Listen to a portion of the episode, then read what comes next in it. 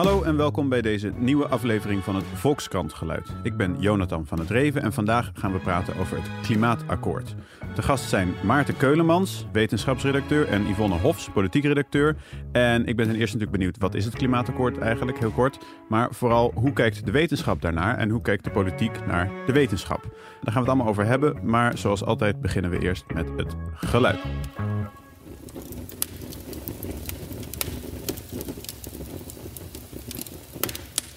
We hoorden hier een uh, heel gezellig uh, knapperend uh, haardvuurtje.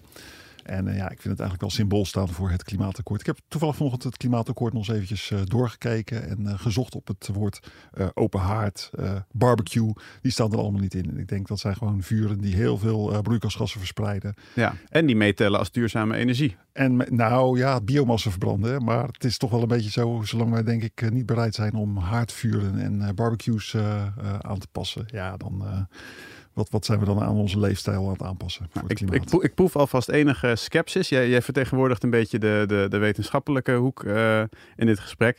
Um, en ik wil eigenlijk een beetje met jou uh, beginnen, Yvonne, uh, met de vraag. We hebben dus nu het klimaatakkoord. Het is nog niet helemaal rond, maar het is wel een soort van rond. Ik dacht eigenlijk dat het al eerder rond was. Maar wat is er eigenlijk nou afgesproken?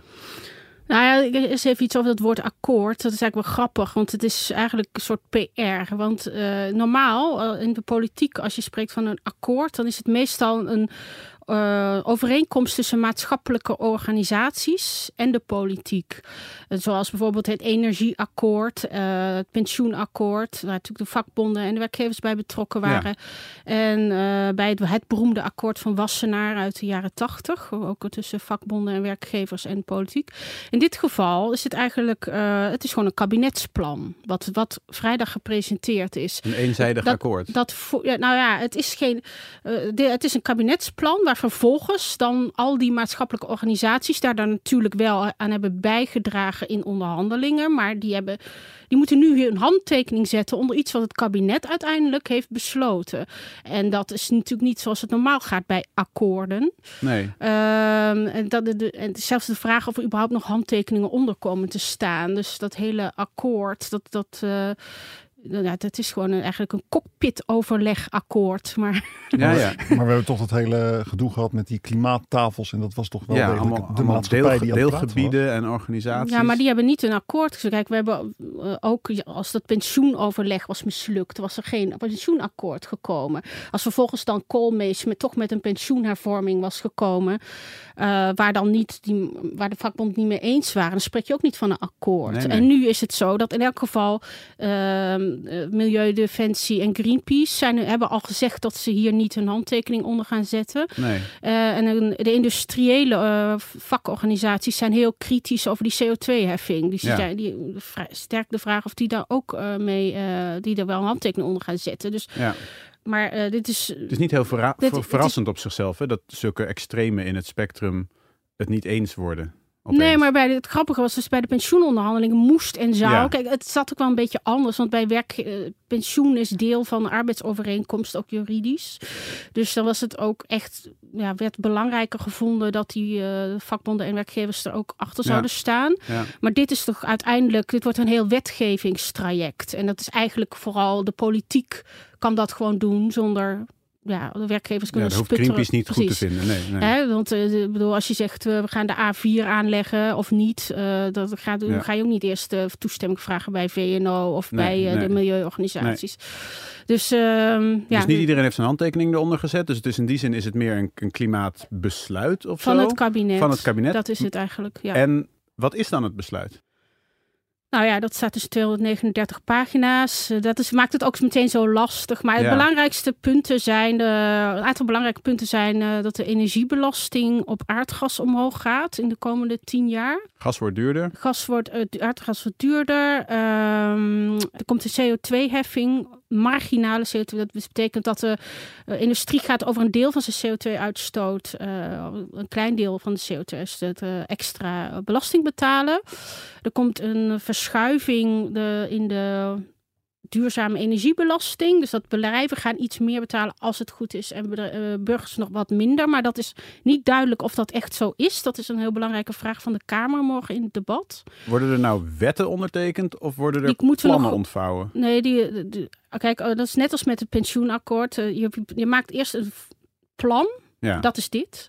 En vervolgens moet je dat allemaal omzetten in wetgeving. Het echte uitvoeren wordt in losse ja, wetjes dus gedaan. Het verhogen van energiebelasting, dat moet in een wet gegoten worden. CO2-heffing moet in een wet gegoten worden. En die losse wetten moeten dan door de kamers worden geleid. En die dus moeten niet allemaal... het hele pakket hoeft nog eens eh, als geheel nou ja, eigenlijk kun je. Het is natuurlijk wel zo dat als je zodra je die wet indient, dan krijg je in de, kun je de Kamer weer het kan de hele discussie weer overnieuw beginnen. of je dan op zich.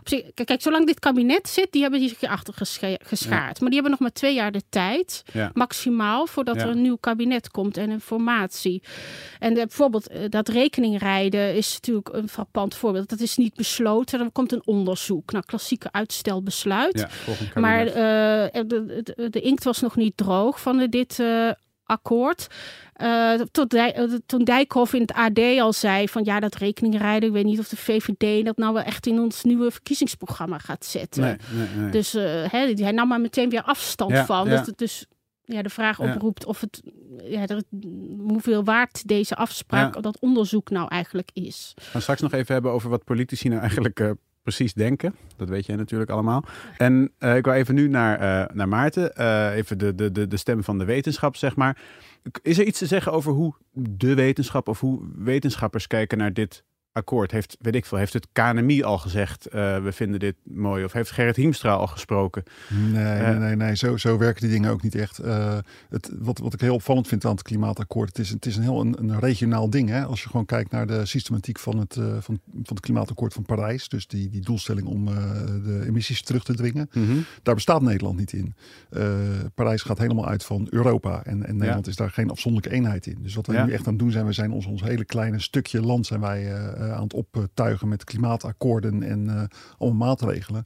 Terwijl uh, ja, voor, de, voor het grote geheel maakt het eigenlijk helemaal niet uit. Nee, want wat gaat er, wat, is, is er iets te zeggen van, ja, het is natuurlijk, het zijn oneindig moeilijke berekeningen, maar is er iets te zeggen van wat dit zou kunnen opleveren? Het is volkomen heel, het is, het is heel makkelijk. Uh, we hebben twee klimaatproblemen op aarde. Uh, het ene heet China en het andere heet India.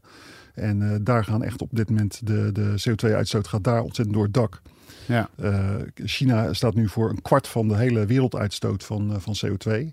Uh, en ja, Nederland staat voor 0,4% van de, van de uitstoot van, van, van CO2-equivalent, moet je dan eigenlijk zeggen. Ja. Dus van alle broeikasgassen bij elkaar. Ja. Dus ja, eigenlijk staat het in, in, niet echt in, in verhouding tot elkaar. Nee, maar 0,4%, dus dat betekent dat als ik zit op een school met 250 mensen, dan ben ik een van die ja, nee, leerlingen. Natuurlijk. En als ik dan mijn troep opruim, dan Kijk, weet je, ja, toch weer nou, iets, toch? Kijk, ik vind een van de, van de positieve kanten van het klimaatakkoord. Ik moet zeggen dat ik eigenlijk helemaal niet had verwacht dat het überhaupt zou lukken, een klimaatakkoord. Want nou ja, als je in september zag de, de doorrekening van het Planbureau voor de Leefomgeving, die zei ja eigenlijk van, nou ja, dat klimaatakkoord, uh, dat gaat hem echt niet worden. Nee, nee.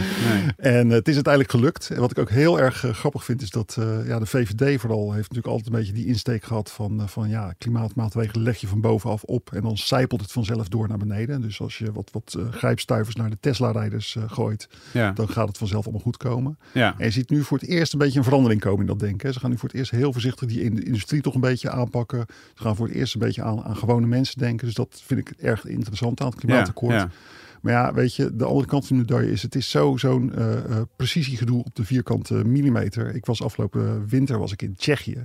Dan rij je Tsjechië binnen en dan, nou ja, het eerste wat je ruikt is al die bruinkool en al ja, die, uh, ja. daar zijn, zitten ze gewoon overal vuren te stoken en bruinkool te stoken. Ik gisteren nog in de kant, geloof ik, dat ze in Polen, dat ze daar één centrale hebben en die ja. ongeveer net zo als de Nederlandse industrie. Ja, ik zeg wel eens van, kijk, als je gewoon echt de doelstelling, als het voor het klimaat zou doen, dan moet je gewoon eigenlijk gewoon zeggen van, nou, dit geld, dat gaan we gewoon, uh, we gaan heel veel geld investeren in uh, landen als Italië, uh, Polen, Tsjechië, dat soort gebieden. Van de landen die op, op, op, zichzelf wat geld hebben, maar nog niet deze... Ja, nee, maar daar kun je gewoon ook, ook flink winst halen voor het geld dat je investeert. Dus dat is, ja. en, en, wat dat betreft, ik vind het allemaal prima hoor. Het is heel mooi dat we hier allemaal subsidieregelingen krijgen. Ja. Maar ja, echt voor het klimaat uh, moet je het niet doen. Dit is meer een politiek ding, denk ik.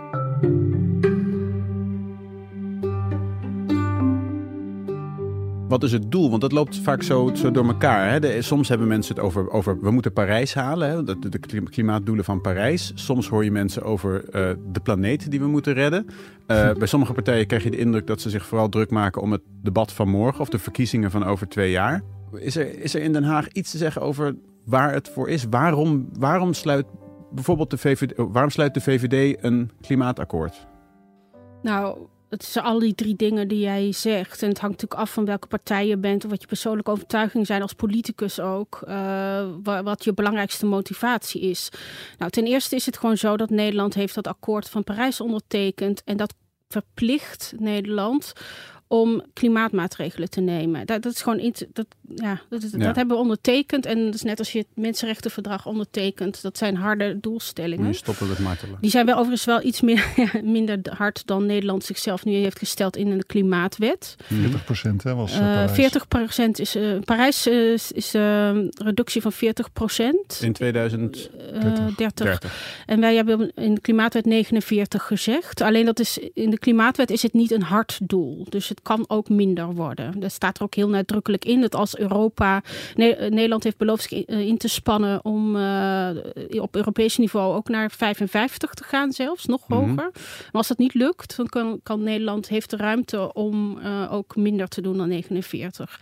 En daar zal het waarschijnlijk wel op uitdraaien uiteindelijk, want in Europa is er is niet veel consensus om strengere maatregelen te nemen. Nee. Um, en wat terugkomen op jouw vraag. Ja, goed. Um, VVD zit gewoon in, uh, in een kabinet met D66 en de ChristenUnie. Die uh, allebei wel heel graag uh, het klimaat willen redden. Zullen we dan maar zeggen, uit ideologische overweging om te vinden dat dat belangrijk is. dus vind dat Nederland daar een bijdrage aan moet leveren. En VVD hoeft dat niet zo, met, met CDA al helemaal niet, lijkt het wel. Uh, maar ja, die dus, zitten nou eenmaal in het kabinet en dat is geven en nemen. Dus uh, ja, daar moesten ja. ze uh, gewoon concessies in doen.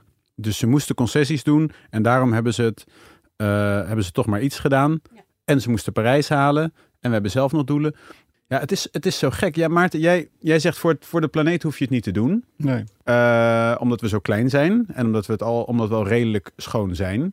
Um, maar... Nee, dat zeg ik niet. Nee? We, we, horen echt uh, niet tot de schoonste landen van de wereld. En zeker niet van Europa. We lopen er echt achterop. Ja. Maar ik denk wel van ja, als je, als je een zak geld wil investeren in klimaat, ja, is dit dan het verstandigste. Ja, maar, hoe, maar hoe, ik ben toch nog eventjes, het is, een beetje, het is een beetje een zijpad, maar ik ben dan toch ja. benieuwd. Hoe, uh, stel je voor dat jij al dat klimaatgeld ja. kreeg en je, wat, wat zou je dan concreet doen?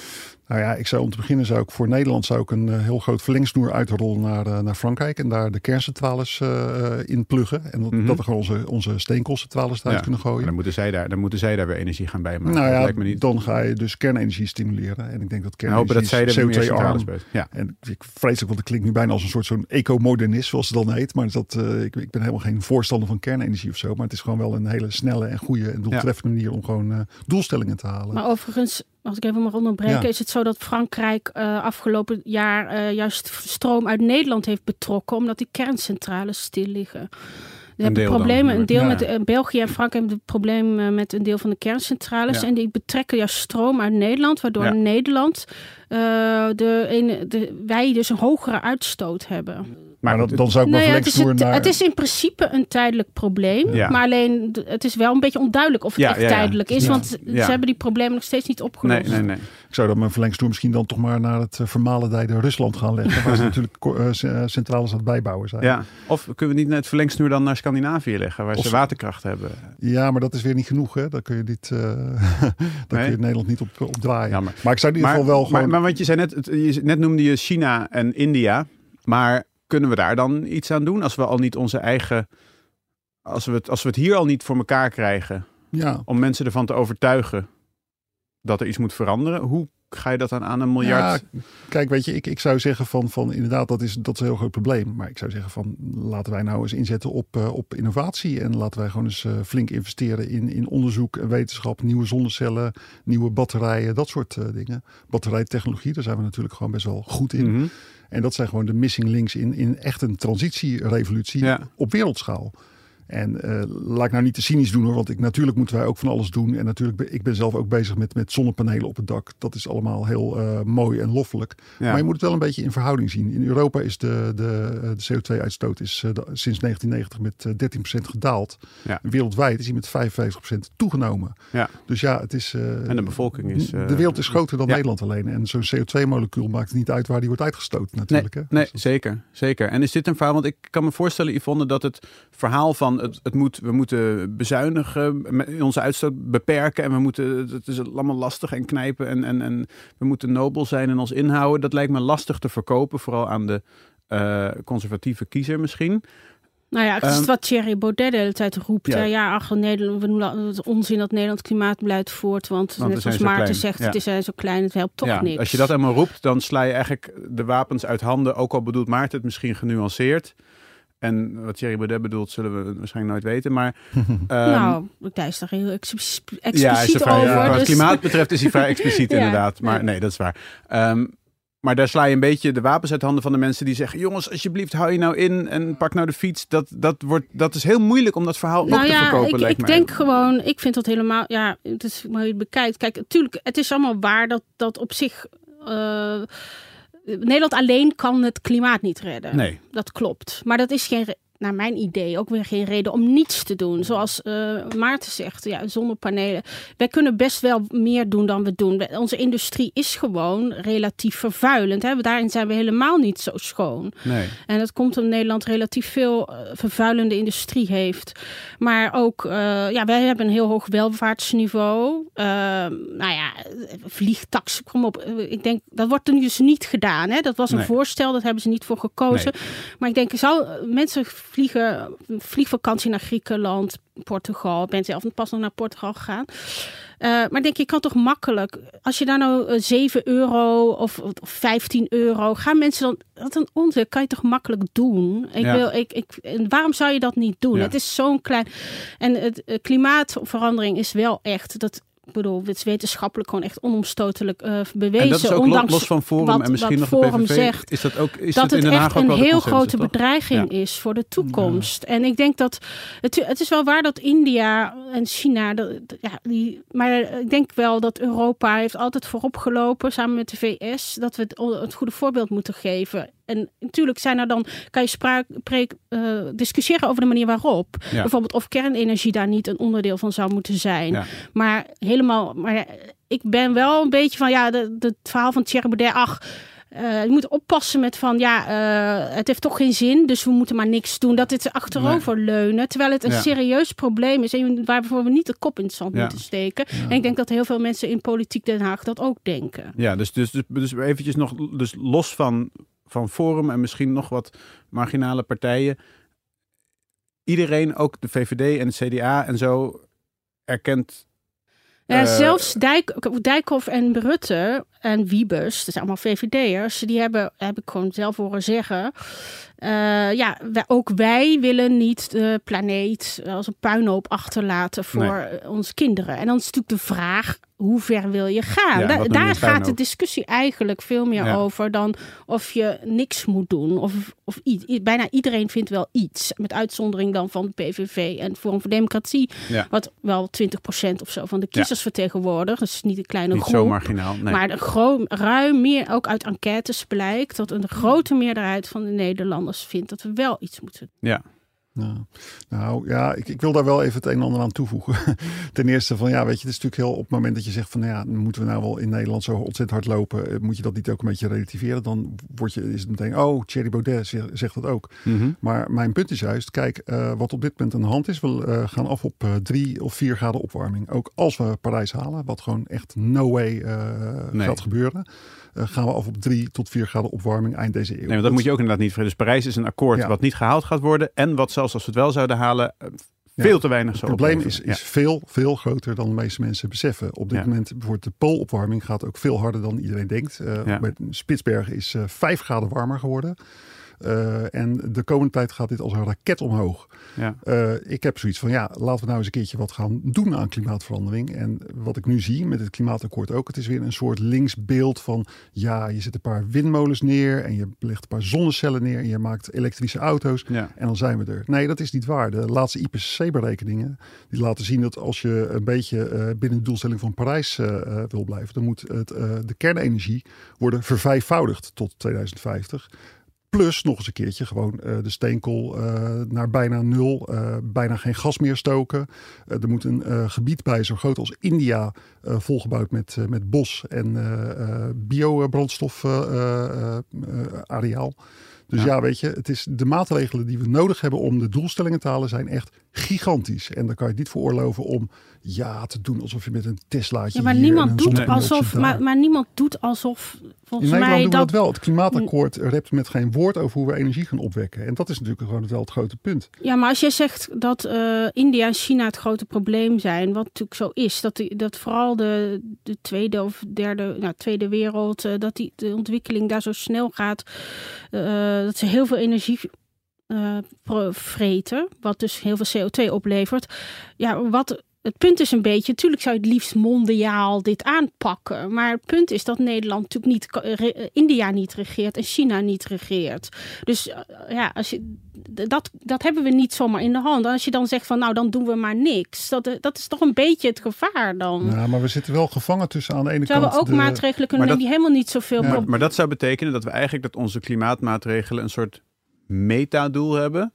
Dus dan vegen we zeg maar ons eigen tuintje schoon. Niet omdat we denken dat dat invloed heeft op de wereld, maar zodat andere landen zien.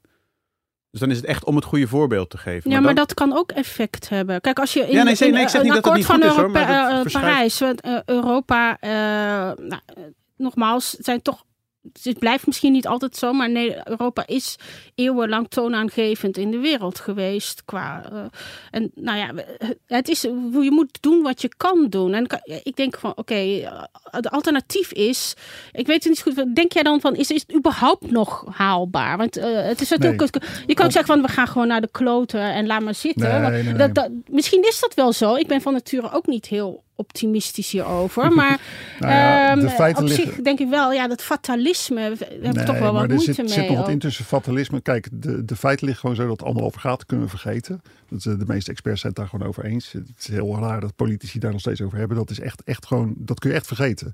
Twee graden kun je zeer waarschijnlijk ook vergeten. We gaan waarschijnlijk over de twee graden heen.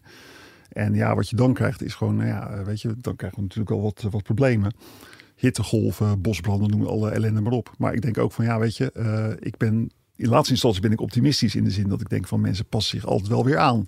Ja. Aan, uh, aan ellende en uh, rampspoed. Dat hebben we altijd gedaan. Als op dit moment, uh, laten we zeggen, een enorme vloedgolf over Nederland zou slaan. Dat zou een vreselijke ramp zijn. Er zouden heel veel mensen doodgaan. We zouden ons huis uit moeten. Maar ja, de mensheid vergaat niet door. Of weet je wel, we gaan ons wel weer, bouwen het wel weer op. Nee, de soort zal wel... maar ja, ik ben, toch wat, ik ben toch wat minder... daar ben ik pessimistisch over. Maar jij, jij, jij bent als wetenschap journalist, denk je beter optimistisch over innovaties. Want uh, ja. zeker in, nou, in landen als Bangladesh, daar komen miljoenen mensen gaan. Ik bedoel, er leven miljoenen mensen in delta's, zoals Nederland. Nou, en wij hebben technologische, dat we misschien wel iets kunnen bedenken om die dijken nog hoger te maken, of waterkeringen.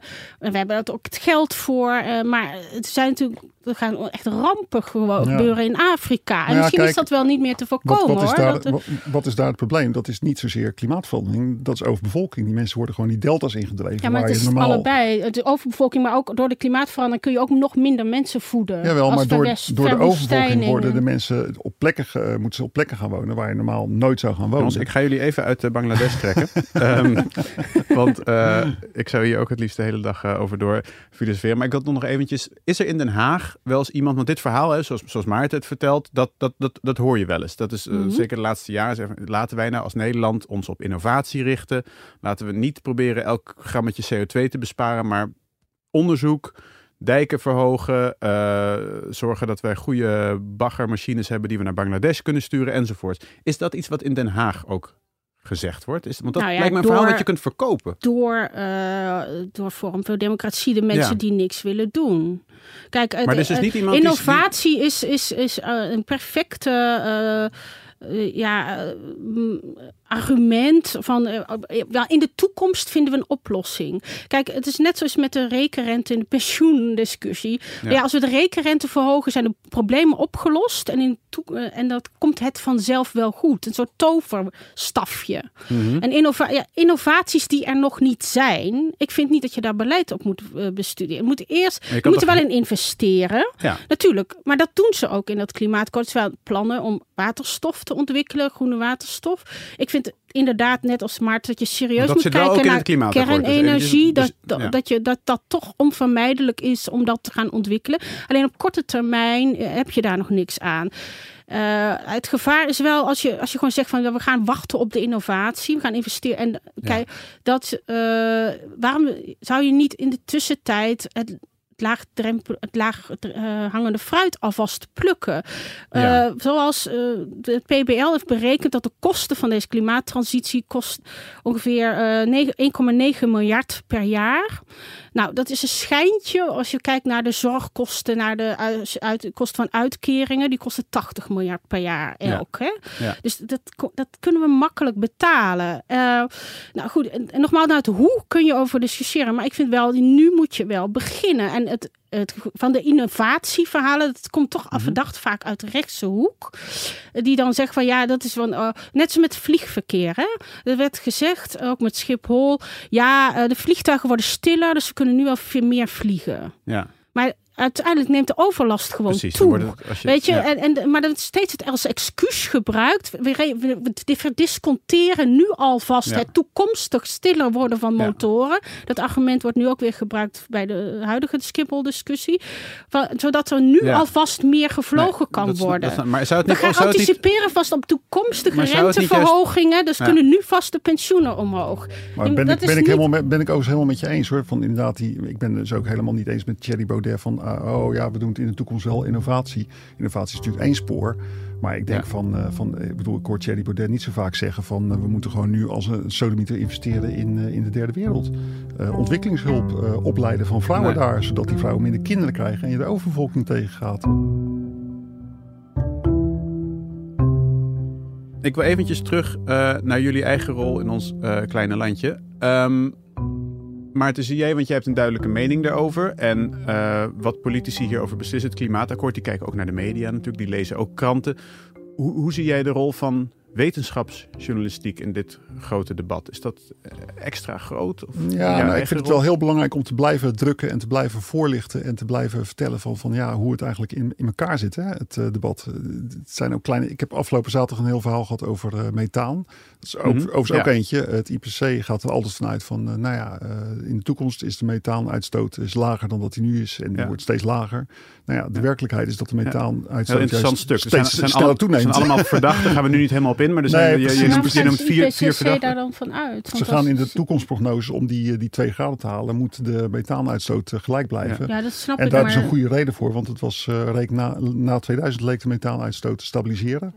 Ja, En, rekenen eh, ze nog is, steeds mee, maar er eh, gebeurt daar iets anders. steeds mee, en niemand maar weet precies nog Er gebeurt iets waarom. compleet anders. Dus dat is het ding. Maar denk je dan, als je zo'n stuk schrijft ik- over die methaan, denk je dan, ik, ik, dit, gaat ook, dit gaat ook Rutte lezen, dit, dit gaat ook... eh, eh, eh, Nee, maar ik denk, ik, ik, merk, ik, ik merk dat er in de maatschappij echt veel onbegrip is over eh, ja, hoe zit het nou Ja. met klimaat? En gewoon de basics hè, van, goh, bestaat klimaatverandering? Die, die gekke Thierry Baudet die is Ja, toch die behoorlijk gooit daar weer, ingeslaagd om, eh, om allerlei twijfel te veroorzaken.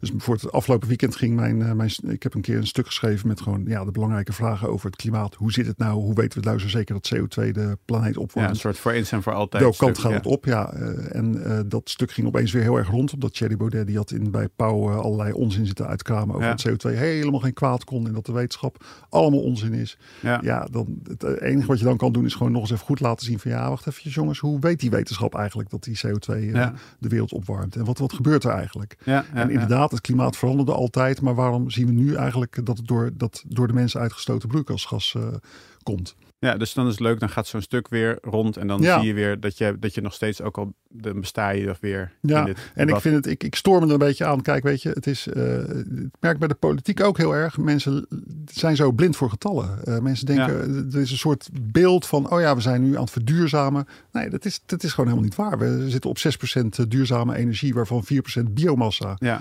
2% is maar zon en wind. en gewoon En open dat is al haarden heel- zijn belangrijker dat is al dan heel lang, dat is al heel lang constant. Nou ja, als symbool vind ik dat wel Ja. Belangrijk. Nee, maar het is echt zo. Het is gewoon wat mensen thuis Ja. stoken. Zit daar is echt een heel groot deel van die 6%. Precies. Dat- nou, het is, maar goed, we moeten het... eh Yvonne, hoe zit het? Eh, want dat is eigenlijk, eigenlijk ligt het een beetje voor de hand natuurlijk. De wetenschapsjournalistiek is hier belangrijk. Maar hoe zit het met de Haagse journalistiek? Want ehm, worden politici in jouw ogen door de Haagse, door de politieke journalistiek afgerekend op klimaatgeneuzel, op, op, op, op, op met cijfertjes, op te weinig doen? En zou dat, hoe zie jij daar je eigen? Nou, eh, kijk, je merkt dat de VVD heel erg gelet op de Telegraaf. De Telegraaf heeft natuurlijk echt, ja, ik noem dat echt een hetze, eh, gevoerd tegen het klimaatbeleid. Ze zijn met, door echt continu heel extreem negatief te berichten over horror en, en dat soort termen, klimaathorror. En, En, en- en, en dan en- niet en- klima- en dan niet van bosbranden en, eh, hittegolven, en maar klimaathoren met geld. Ja, nou, gewoon dat de gewone man wordt zwaar getroffen, want die moet een warmtepomp en zo. Ja. Klimaathysterie, hè, noemen. Hysterie Ja, en, ja. en dat soort. eh, heel- die heeft- vooral in het woordgebruik en, en, en de chocoladeletters. Eh, heel alarmerend, weet je. Ehm, nou ja, eh, goed, dat is de Telegraaf. ehm, die bedient daarmee een bepaald publiek. Ja, wat ik zelf. Kijk, ik, ik heb niet zo de illusie dat, dat journalisten de politiek heel erg kunnen beïnvloeden verder. Want zij zij zijn hebben- soms toch wel bang voor een stuk in de Volkskrant of voor een reportage van Nieuwsuur. Ja, maar goed, kijk, ze zitten gewoon echt in een heel moeilijk coalitiespel. Eh, in Nederland heb je natuurlijk een co- een coalitieland. Je moet met vier partijen eruit komen. Straks misschien wel met vijf in een nieuw kabinet. Eh, ja, en dan is het veel meer van dat onderling uitruil en eh, kaartenspel. Wat ze nu eh, in eh, Brussel spelen met, met, eh, met Timmermans en Ja. eh, Weber. En, eh, en ja, er komen er een hele rare uitkomsten uit. Waar je eigenlijk dan niemand heeft bedacht. Maar ja, dat is dan eh, dat is eh, speltheorie. Dan kom ik weer bij Maarten Mhm. uit. Maar dat, eh, dus je, ja, dat is allemaal niet zo. Wat er dan één krantenartikel. Er worden wel wat kamervragen gesteld. Maar ik ben er zelf niet heel. ja. Wat ik wel probeer, wat, wat, wat ik denk zelf als een klimaatverslaggever in Den Haag, is bijvoorbeeld. de politiek gebruikt natuurlijk heel veel PR. Ze proberen een politieke boodschap te verkopen. Ze proberen het klimaatakkoord als Alleen al het woord akkoord. Ja. akkoord, precies. Ja. Wat dus eigenlijk gewoon PR is, want het is geen akkoord, het is een kabinetsvoorstel. Eh, de- Maar, maar, maar ik ben benieuwd trouwens, Yvonne, als je nou gewoon drie stappen terugzet, halen we nou in 2030 49% nee, reductie? Nee. dat voors- jongens. ik voorspel van niet. Maar dan komt het toch helemaal goed, jongens. hey, we moeten nu echt stoppen. Heel erg veel dank voor dit gesprek en eh, tot een volgende keer graag. Oké. Oké.